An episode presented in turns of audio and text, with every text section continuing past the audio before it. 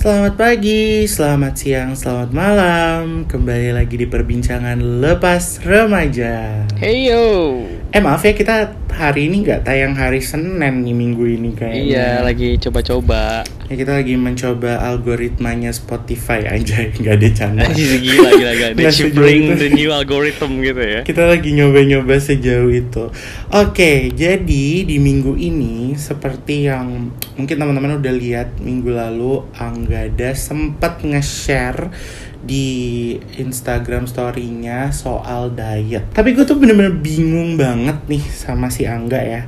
Lo tuh kenapa sih pengen ngebahas soal diet? Ini kan pertama topik-topik kayak aduh males deh gue ngebahasnya juga kayak apa ya gitu-gitu aja gitu terus kayak pertama basic kedua diet itu kan setiap orang beda-beda ada yang pakai cara begini berhasil ada yang enggak jadi buat lo sendiri diet itu idealnya gimana sih karena kan lo dari kemarin pengen banget nih ngomongin soal diet Ya, ini yang menarik tadi lo bilang soal diet orang itu beda-beda. Hmm. True, true. It's right.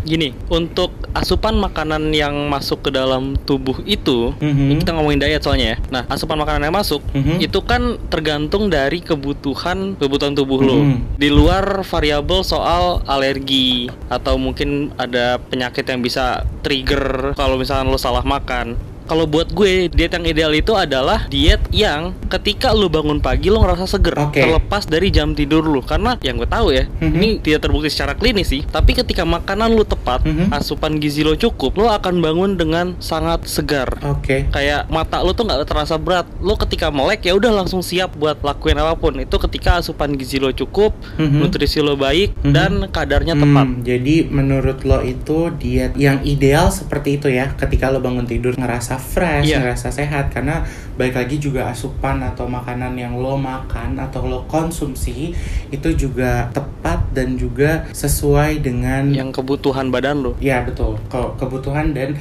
arahan dari para ahli gizi mungkin gitu ya. itu lebih sana. baik sih heeh. kalau punya Oke. ahli gizi dan juga di luar dari variabel ini ya kalau lo rajin olahraga itu lebih baik Mhm. kedua kalau lo punya istilah manajemen Mhm. stres yang baik atau memang tekanan hidup lo tidak setinggi kebanyakan orang atau lo bisa pokoknya manajemen soal stres itu deh Oke. itu otomatis akan sangat ya sangat membantu kehidupan lo lah terlepas dari diet lo apa tapi ketika diet lo tepat diet lo cukup Mhm. lo bakal tetap ngerasa seger sih ketika bangun Oke, nah itu kan tadi lo udah ngebahas tuh soal diet ideal versi lo itu seperti itu. Mhm. Terus kita ada juga tanya-tanya ke beberapa mascot kemarin mengenai diet dan pengalaman mereka masing-masing. Mhm. Nah dari lo sendiri itu punya pengalaman diet nggak sih? Ini nih yang gue pernah alami. Kenapa gue berani bilang diet yang benar adalah yang bisa bikin lo ketika bangun tidur ngerasa seger. Hmm. Karena gue pernah ngerasain ini dulu. Oke. Jadi gue pernah dua kali ngejalanin diet yang istilahnya ekstrim lah ya. Nggak ekstrim sih, Mhm. tapi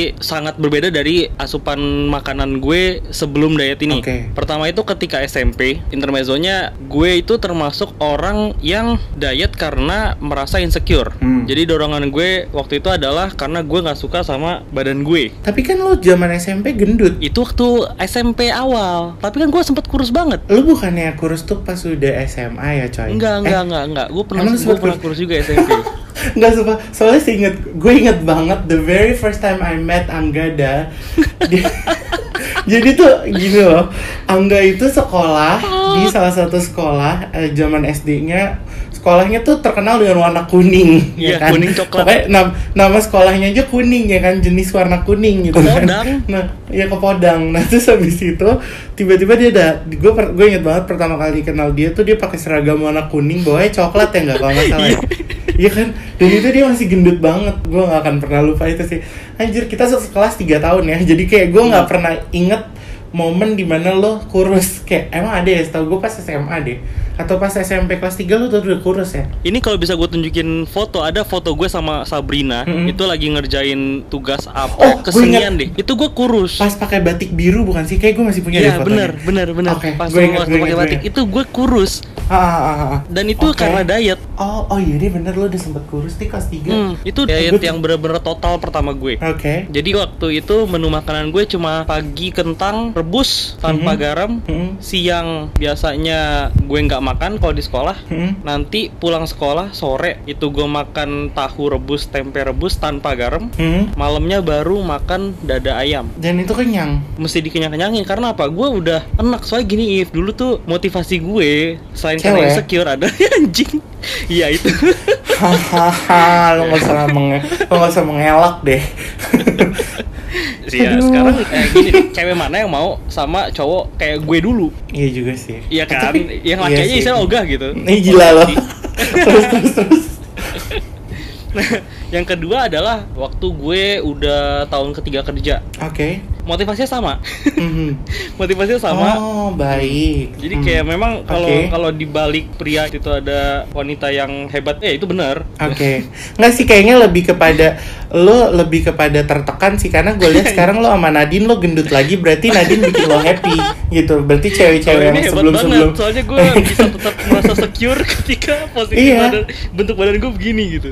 Iya pasti kayak kemarin-kemarin kan nih cewek-cewek bikin lo insecure sementara sama Nadine gue lihat Nadine nya makin kurus, elunya makin gede gue lihat ibu. Oke oke oke. Nah, kalau yang ini dietnya agak lebih sehat. Kalau dulu gue susah banget makan sayur sama buah. Mm-mm. Waktu tahun ketiga gue kerja ini, gue mulai makan buah-buahan sama sayur-sayuran tuh. Itu Mm-mm. tiap hari gue cheating. Dalam artian cheatingnya gini.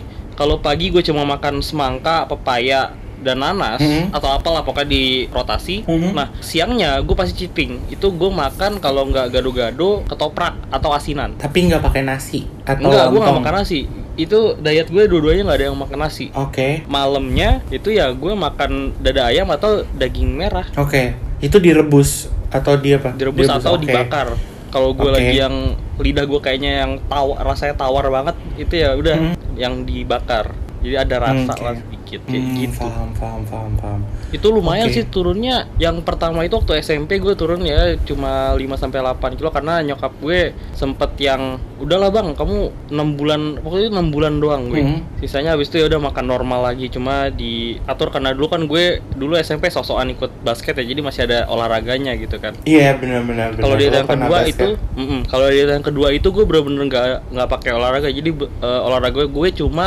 karena naik Transjakarta dulu itu mesti Hmm. jalan nyebrang jembatan segala macem kan jadi ada geraknya Tapi It's really makan. working sih. Gue Iya, setuju iya. sih soal itu. Gue pun pernah punya pengalaman Hmm. diet ya.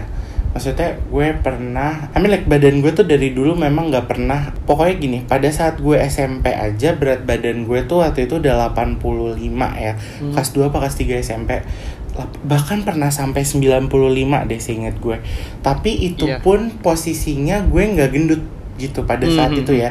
Even kalau gue lihat foto gue pada saat itu, gue tuh nggak yang buntal sampai bulat gitu tuh nggak. Nggak karena pernah. mungkin kan karena gue tinggi kali ya mungkin. Nah, bisa gue pernah gue pernah pas SMP tuh juga kalau nggak salah kelas 2 apa kelas 3 gitu gue turun sampai 10 kilo pada saat itu gue ingat banget kalau gue sih emang ada ada caranya. Caranya pada saat itu adalah gue totok. Kalau Oh, mungkin teman-teman oke. pernah ada yang tahu totok tapi totoknya itu di leher. Jadi gue nggak Hmm. minum obat nggak minum apa apa jadi gue setiap minggu tuh ditotok di leher sama di beberapa titik. Shout out to my friend Alia kita dulu totok bareng. Terus habis itu itu bener loh gue sama Alia tuh totok. Gue inget banget sekali totok 500 apa 600 ribu. Gila, zaman sumpah, itu. sumpah. Zaman itu sekarang bisa jutaan kali. Dan itu kita nyari si tukang totoknya tuh sampai ke Sukabumi emang beneran dari kampung cuy jadi uh, it's it's gue legit kira at justru that- yang kayak di rumah-rumah gede gitu apa, udah, Nah, udah orang-orang tuh mikirnya gitu kan. Hmm. Jadi tuh pada saat itu si bapak ini tuh ahli totok lah intinya. Hmm. Nah, pada saat itu tante gue ngajak gue untuk ditotok. Di kita waktu itu pertama kali datang ke Sukabumi. Jadi tante gue punya temen gitu, temennya punya villa gitu di Sukabumi. Nah, habis itu kita datanglah ke villanya temennya tante gue ini. Nah, si tan temennya tante gue inilah yang nemuin si bapak ini gitu loh at that time. Nah, kayaknya si temennya tante gue ini mengkomersilkan si bapak ini sehingga dia punya tarif tertentu kayak Oh, gitu. oke. Nah, sekali totok tuh lima ribu. FYI, ini gue nggak gue nggak berani jebut aja nih. Gue kalau totok tuh bareng artis-artis coy pada saat itu tanya aja sama Alia. Gue jadi Oke, ada jadi kayak lu di ada- satu ruangan maksudnya satu ruang tunggu iya, bareng. Iya, dan kita tuh ditotoknya tuh di, di terus abis itu kan si si bapak ini dibawa ke Jakarta lah masih temennya tante gue. Mhm. Gue inget banget dulu di komplek eh, rumahnya tuh di komplek Garuda di pasar Minggu situ dan itu literally di satu ruangan tuh kita rame-rame gitu terus ada artis ini, ada artis itu kayak Hmm. bener-bener mereka tuh jadi si bapak ini tuh legit udah udah dikenal banyak orang Betul cuma sohor ya. Iya, cuma kayak karena si temennya tante gue ini memfasilitasi mendatangkan ke Jakarta si artis-artis ini pun jadi kayak oh ya udah gue nggak perlu jauh-jauh ke sana kali. Mungkin pada saat itu sih. gue mikirnya gitu. Sumpah tapi itu working banget sih. Gue sama Alia tuh sampai kayak anjir gue pengen banget dia ditotok. Jadi tuh dia kayaknya notok di titik-titik yang memang pas gitu loh, nggak? Karena yang lo habis itu rasain? lo Wah asli ya, gue inget banget abis gue ditotok itu, gue inget totok pertama Gue abis totok gue craving banget sate padang Mhm. Gue udah nyampe depan tukang sate padang tuh di deket KFC Cikini yang enak banget itu Itu gue udah beli, bapak gue udah beliin Gue muntah anjir Abis itu Wow. belum gue makan. Gue mual, bukan nggak nggak sampai muntah sih. Kayak gue mual, udah mual gitu loh Kayak nggak deh aku nggak mau. Gue nggak makan akhirnya itu sate. Tapi kalau gue waktunya gue makan, gue makan Makan normal. Oke. Tapi nggak bisa banyak gitu loh nggak. Jadi kayak Kayak misalnya gue makan nih nasi Atau gue makan apa ya udah gue makan sekedarnya aja. Nggak bisa kayak yang gue paksain. Kayak misalnya mungkin at that time Hana masa gitu nggak masuk di perut gue atau di mulut gue Jadi kayak oke, si nggak bapak tuh kayak aktivasi fitur-fitur yang membatasi lo Iya, untuk anjir. makin gembung gitu ya. Wah demi Allah gue bener-bener butuh tuh bapak sih sebenarnya gue kayak Oh, asli gila. itu itu cara curang ya guys gue nggak gue nggak bukan cara curang sih itu nggak recommended karena at the end ketika lo berhenti ya kembali lagi lo menjadi apa Mrs. Puff kayak gue gitu loh Mrs. Puff ikan buntal gitu nah terus gue pernah satu kali lagi tuh kapan ya oh SMA SMA tuh gue eh enggak enggak enggak udah kerja udah di Malaysia. Hmm. waktu gue kerja di perusahaan yang lama itu kan gue masih miskin ya. Maksudnya bukan masih miskin masih kayak masih kayak kayak apa ya masih kayak an- anak baru. Terus habis itu pajak dipotong 20 30% setiap bulan gitu kan berat ya Bo. Jadi pa- apa jadi expat. Terus habis itu at that time tuh gue dari apartemen gue ke stasiun LRT tuh jaraknya 2 kilo. Dan itu gue tiap hari pulang pergi jalan kaki Hmm. Terus habis itu dari stasiun LRT kantor gue ke gedung kantor gue itu jaraknya 800 meter, posisinya nanjak. Jadi bener-bener olahraga banget. Itu gue inget gila, banget. gila. Gue datang ke Malaysia, berat badan gue 120 kilo. Mhm. Terus selama gue 18 bulan kerja di perusahaan itu, berat badan gue tuh cuman 104 kilo. Gue turun 16 kilo, coy. Dan itu maintain well, maksudnya selama di sana ya udah segitu-gitu aja. Iya, maintain, nggak pernah naik. Eh, tiba-tiba COVID an. Ya kan datang, sekarang berat gue kembali lagi 120.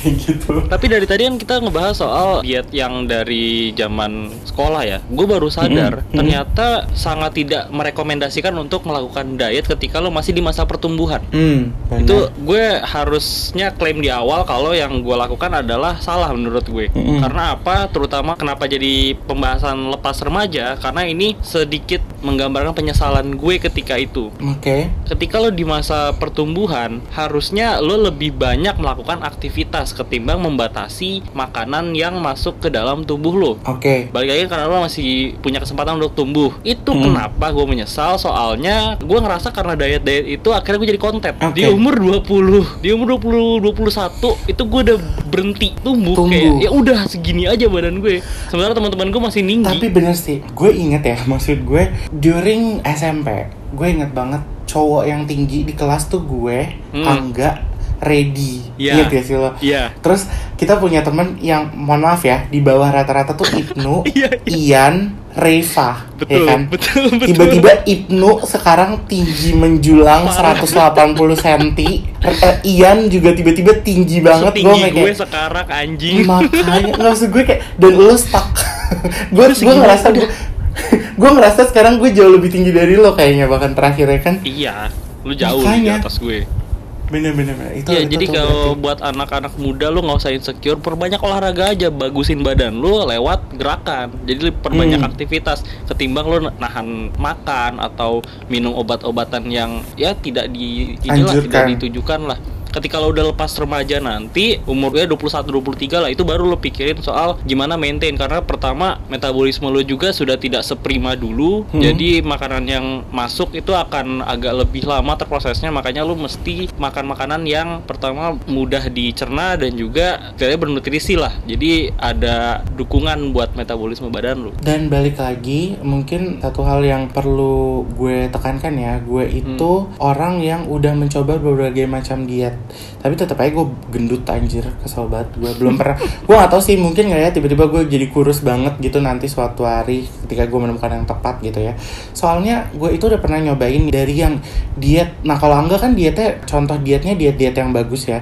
Gue nih contoh dietnya diet-diet yang nggak bagus gitu loh. Gue udah pernah, mungkin kalian ingat zaman 2011 2012 ada obat pil gitu namanya acai berry yang harganya Oh, iya. cuma lima puluh ribu satu botol ya ya itu gue udah pernah minum itu itu gue turun bareng-bareng sama teman-teman gue tuh gue nggak bisa sebutin siapa aja nggak enak soalnya ada yang bener-bener udah kurus banget terus bengkak lagi Hmm. super bengkak malah terus habis itu ada yang emang maintain kurus dengan cara pergi ke dokter gizi wah dengan biaya yang juga ekstrim yes Terus habis itu pokoknya gue udah pernah nyobain itu acai berry. Terus gue udah pernah juga nyobain apa tuh yang MLM tau lah lo maksud gue yang mana ya kan Mhm. ya yang telah gitu, yang Yep. susu itu. Itu juga nggak ngefek di gue.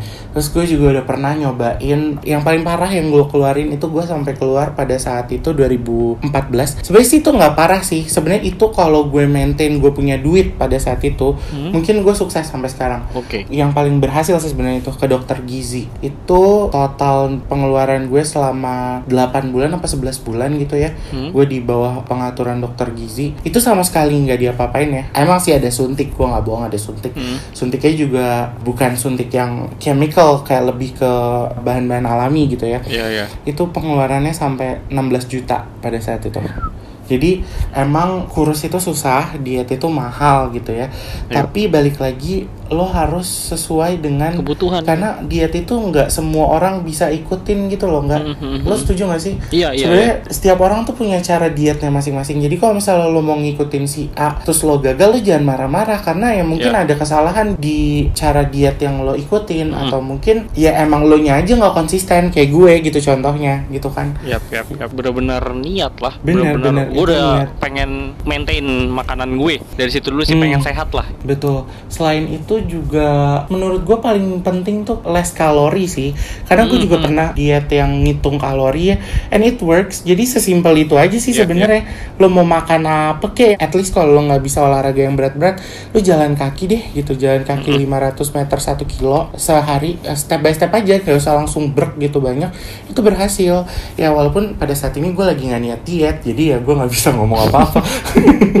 anyway, gimana nggak? Nah, gini, If, dari pertanyaan yang kemarin disebar, itu kan responsnya Hmm. banyak ya menarik, banyak banget. Hmm. Jadi daripada kita cuma bahas pengalaman gue, pengalaman lo, Hmm. nah ini kita mungkin bisa bahas pengalaman orang lain juga sambil mungkin mereka bisa bagi tips, terutama market yang Betul. satu ini nih. Oke, mari kita telepon. Oke, gue telepon dulu.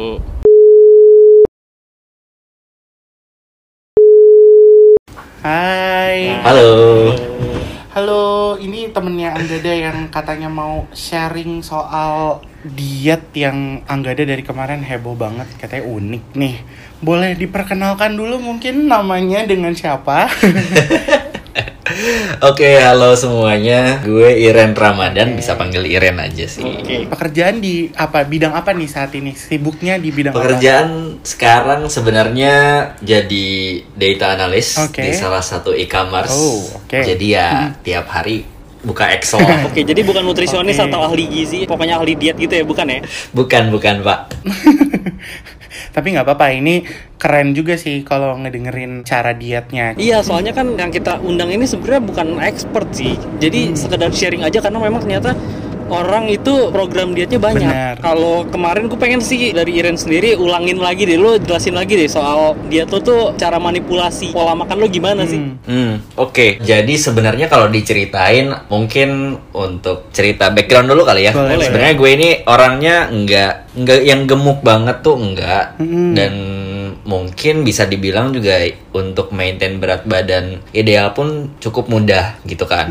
Cuman kenapa gue melakukan quote unquote diet ini beberapa waktu terakhir? Jadi awalnya sebenarnya si berat badan gue ini normal-normal aja Oke. dalam batas normal. Tapi akhirnya ketika bulan apa tuh Maret April tahun lalu pandemi datang kan. Hmm. Semua masalahnya di situ pandemi ya. datang. iya, semua semua masalah di situ termasuk berat badan juga ternyata. Oke. Nah, nah, dari situ gue biasanya tuh berat badan gue di sekitar 60-an. Mhm. Which is normal buat gue sendiri sih sebenarnya. Oke. Nah, tapi pas mulai April itu tiba-tiba jadi lagunya Ariana Grande 3435 alias 69. Oh, oke. Gue mikir lagi apaan? Oh iya iya. Oke oke baru baru nggak, maaf guys. terus terus. Nah iya akhirnya gue dapat pertama kalinya di 3435 itu sebenarnya kalau dari dari luar tuh masih kelihatan kurus-kurus aja masih eh, dalam batas normal kelihatannya cuman ternyata pas setiap gue ngaca abis mandi perut gue ternyata udah maju banget Oke. Udah ngeblayer gitu, gitu. ya. Iya maju banget perut gue tuh maju banget. Nah akhirnya karena meruntuhkan sedikit confidence gue, gue Oke. memutuskan untuk cari tahu lah tentang si diet ini gitu lah. Nah long story short gue lihat-lihat story temen, terus influencer tentang fitness and health dan lain-lain. Nah ada satu influencer namanya Brock Ashby, gue nggak tahu bacanya Ashby or Ashby.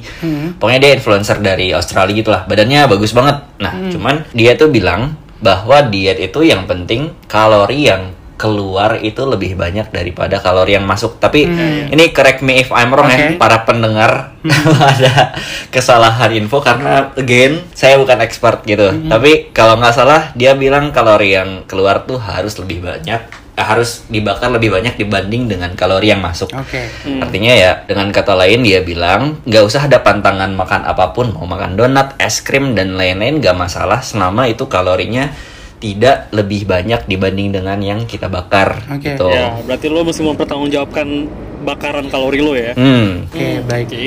Cara lo itu kan berarti beli makan misalkan ke blok mana gitu ya kan? Lo manipulasinya dengan cara Hmm, oh iya, oke. kayak gimana tuh? Iya iya mungkin cerita itunya ya belum gue ceritakan Iya. jadi Iya iya iya. Nah tadi kan teorinya memang gue udah dapet nih ternyata kalori yang masuk ini nggak boleh lebih banyak daripada kalori yang kita bakar, Oke. gitu kan. Hmm. Nah akhirnya gue cari cari cara lah.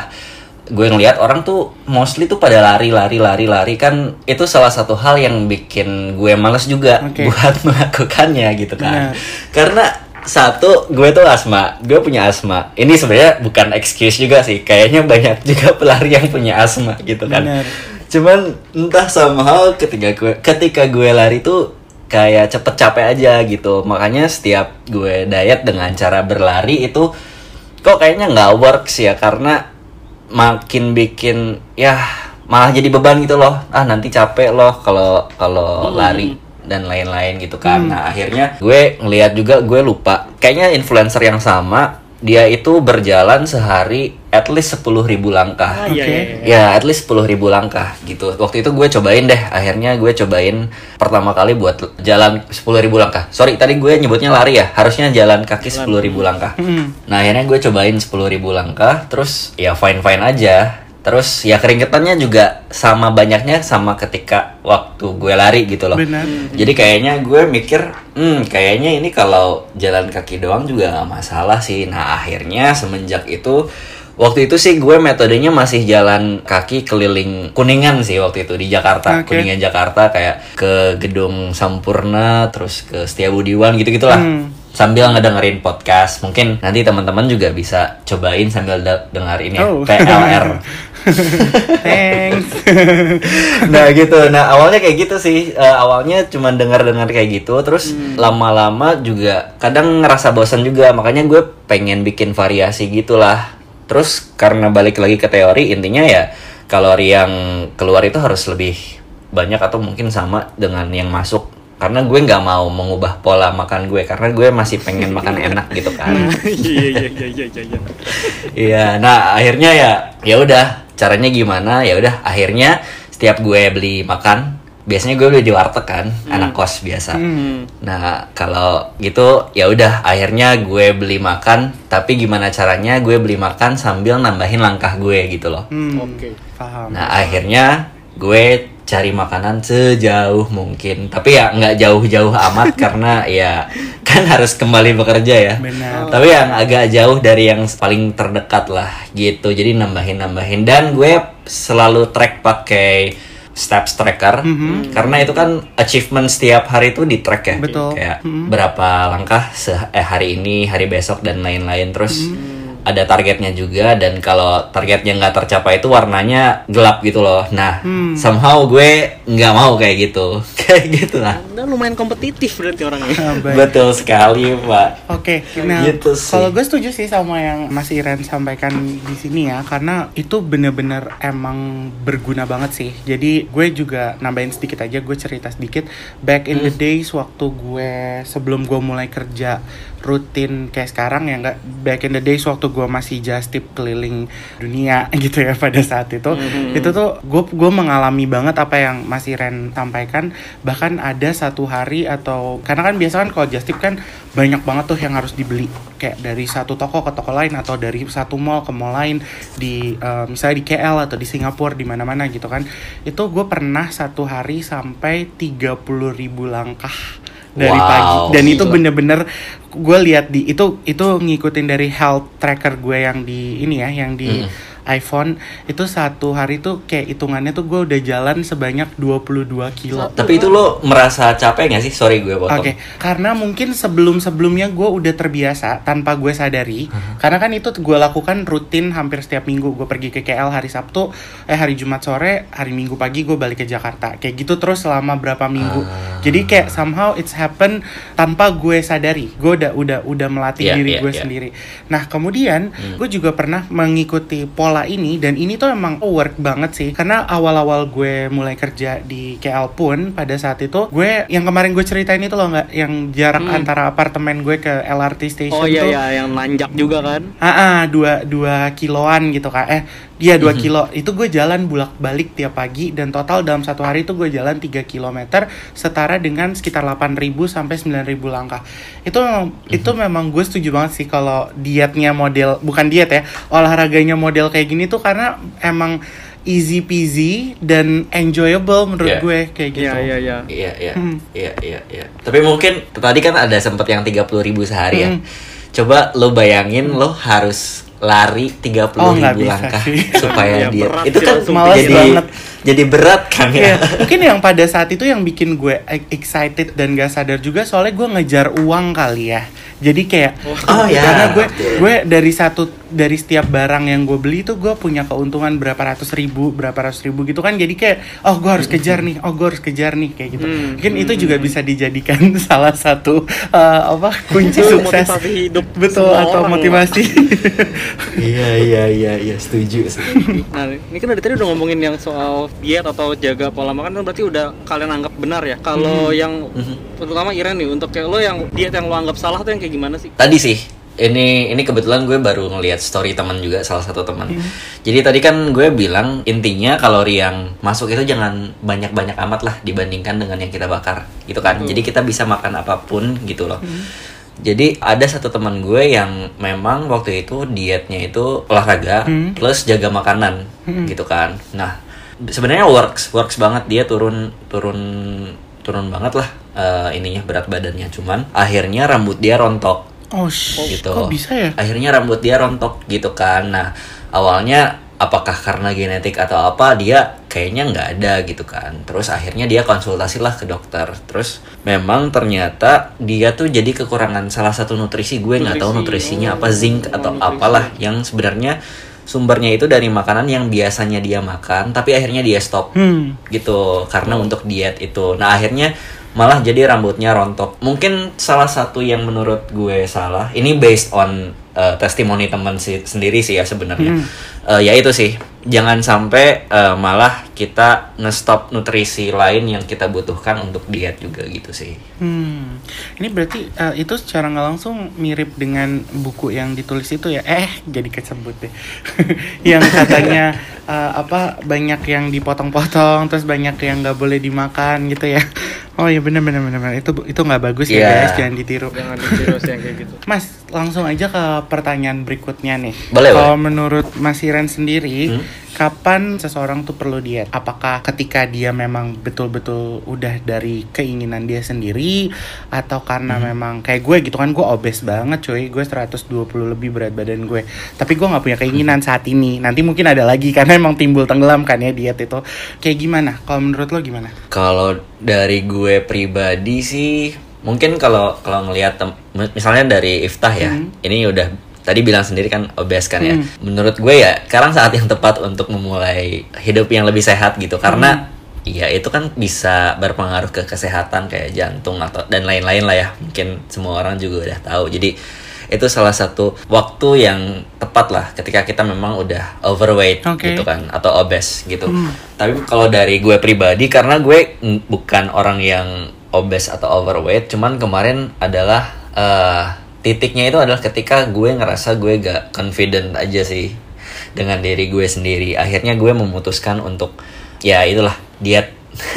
Karena gitulah supaya bisa lebih confident lagi. Karena kalau nggak confident jadi ngaruh ke yang lain-lain sih. Entah itu kerjaan atau bahkan percintaan perhaps yang gitu-gitu. Ya, gue gue setuju. Soalnya dulu motivasi gue buat dia juga gitu. Gue merasa insecure dan gue memang lagi ngejar cewek. Jadi kayak ya lo mesti tampil sebaik mungkin dong. Persetan lo orang mau bilang jangan termakan standar apa pun. Bener. Ya. Eh, tapi kalau memang lo merasa badan lo kurang seger kurang sehat kurang terlihat menarik ya maka lakukan apa pun untuk mencapai saya idealnya pikiran lo gitu kan. Dan itu juga Iya, merupakan bagian dari cintai diri sendiri loh, jangan Iya, lupa ya kan. Maksudnya Yes. nggak semua orang ya kayak kalau kayak gue deh, gue tuh mungkin orangnya yang kayak ah bodo amat lah gue toh juga dengan kayak gini gue tetap punya pacar atau Hmm. gue punya apa kayak gitu. Mungkin gue selama ini mikirnya gitu. Cuma cuma balik lagi ini kita nggak lagi body shaming atau gimana buat yang gendut atau gimana karena gue sendiri gendut FYI jadi juga. jadi kayak jadi kayak lebih ke ya udah gitu kalau misalnya emang lo udah ngerasa nggak nyaman dengan ini dari yang tadi kalian ngomongin ya ketika lo pada udah Iya.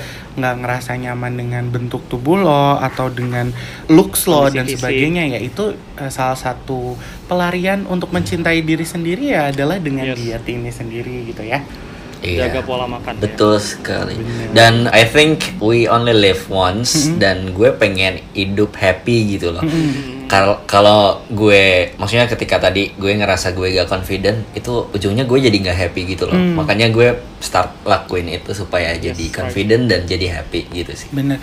Memang kayak diet tuh sebenarnya kayak ini sih nggak. Kalau menurut gue kayak orang yang tiba-tiba mau diet dan bener-bener terjadi tuh emang ketika udah kena apa ya kayak udah ada turning pointnya dulu ngerti nggak? Biasanya Betul, kalau iya, belum betul, kesandung betul. sesuatu Kayak atau belum hidayah sebenarnya. mengalami sesuatu biasanya orang belum sadar kayak gitu. Mm-mm. Jadi balik lagi choice juga ya. Jadi intinya kayak gitu. Oke. Yes. I think that's a I think setelah kemarin kita berdebat ya enggak soal kenapa sih harus topik ini yang dinaikkan, uh, it's a good thing ketemu temen atau uh, pembicara yang juga Mas Iren ini yang udah mengalami langsung atau sudah menjalankan Hmm. langsung dengan polanya sendiri karena balik lagi diet itu harus mengikuti pola masing-masing, Iya, nggak bisa iya, kenalin diri dengan lu. si A atau si B dan si C Betul. dan Iya. ternyata ini lumayan unik dietnya jadi bisa di- bisa ditiru nih teman-teman yang Hmm. waras juga Iya, lah iya. untuk ide- ininya. Kalau ini kan lu mesti gerak walaupun memang nyusahin kayak lu mesti ke blok sebelah atau ke kampung Iya, iya, sebelah iya. buat ini cari makanan doang. Tapi ya bener Iya, iya. memang harus itu tadi ngomongin kalori keluar sama kalori masuk ya mesti diseimbangin kalau mau punya Betul. diet yang baik. betul banget Ya, tapi ya maksudnya mungkin cara orang beda-beda ya. Iya, iya. Ini Opsi ini aja. mem- apa ya? Yes, betul. Ini buat gue nyaman aja sih. Mm. Jadi gue nggak merasa terbebani gitu. Dan FYI gue belum bilang tadi setelah gue melakukan ini sekitar dua bulanan, akhirnya balik lagi ke 60-an kilo dan perut gue rata lagi aja sih. Fix gue Ah, coba sih ini, fix gue coba. Ini bisa dicoba ya guys. Anyway, thank you banget Mas Iren udah menyediakan waktunya untuk berbicara di perbincangan lepas remaja episode ke-8 kali ini. Mudah-mudahan buat teman-teman yang dengerin ini bermanfaat ya karena memang balik lagi kayak yang tadi udah ditekankan diet itu harus mengikuti cara dan kenyamanan kita masing-masing. Ya, dan kebutuhan tubuh. Betul banget. Jadi terima kasih udah mendengarkan perbincangan lepas remaja episode ke-8. Gue Iftah. Gue Angga dan Gue Iren. Sampai jumpa kembali di episode berikutnya. Selamat pagi, selamat siang, selamat malam. Dah. dadah. Dah. Mas Cot, masih punya waktu lengang? Masih dalam perjalanan? Masih butuh hiburan sembari mengerjakan banyak hal? Pas banget nih. Jangan lupa cek episode PLR sebelumnya ya. Perbincangan lepas remaja.